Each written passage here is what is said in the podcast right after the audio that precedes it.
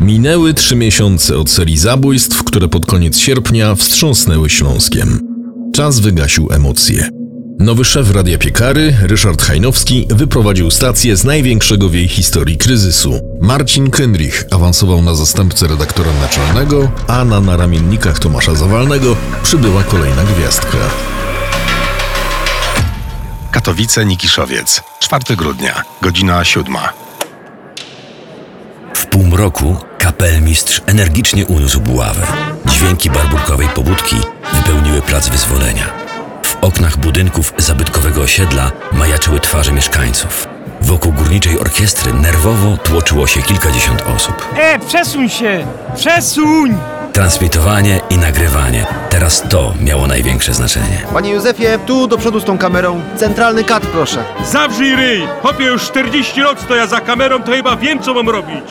Tłum podążał za orkiestrą, szczelnie ją otaczając. Epidemia infekcji wirusowych w Radiu Piekary sprawiła, że to Marcin Kynrich był zmuszony w niedzielny poranek zająć się, który to już raz, najbardziej medialnym wydarzeniem górniczego święta. Ten Hajnowski zupełnie cię nie szanuje. Przecież on tutaj mieszka na Nikiszu. Musiał cię ciągnąć aż z piekor. Z fałszywą troską zwróciła się do Kynricha Lucyna Schulz z konkurencyjnego Radia Feierand. Tak wyszło.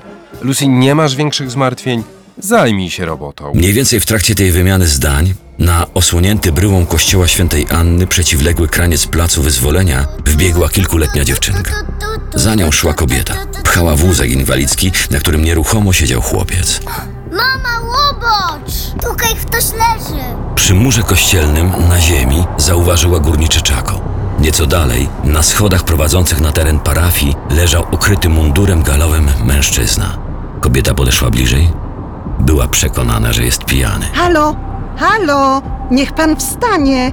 Po chwili zauważyła, że mężczyzna nie żyje. Rozpoznała go. Poczuła uderzenie adrenaliny. Jezus Maria, Sandra, idziemy stąd. Gipko, biegnij, dziecko. Kwadrans później na miejscu pojawili się policjanci. Wezwał ich konserwator z pobliskiej szkoły. Nocny stróż zgłosił mu awarię instalacji wodnej. W drodze do pracy najpierw minął roztrzęsioną sąsiadkę z dziećmi, następnie natknął się na leżącego mężczyznę. Człowiek chyba nie żyje. Migające światła radiowozu zwabiły dziennikarzy. Te obejrzyj. Poznajesz go? Przeco to... Kynrich poznał. Mężczyzna leżał na brzuchu z przekrzywioną głową. Jego prawe ucho miało nietypowy kontur. To był jego szef. Redaktor naczelny Radia Piekary. Ryszard Hajnowski. Gańba.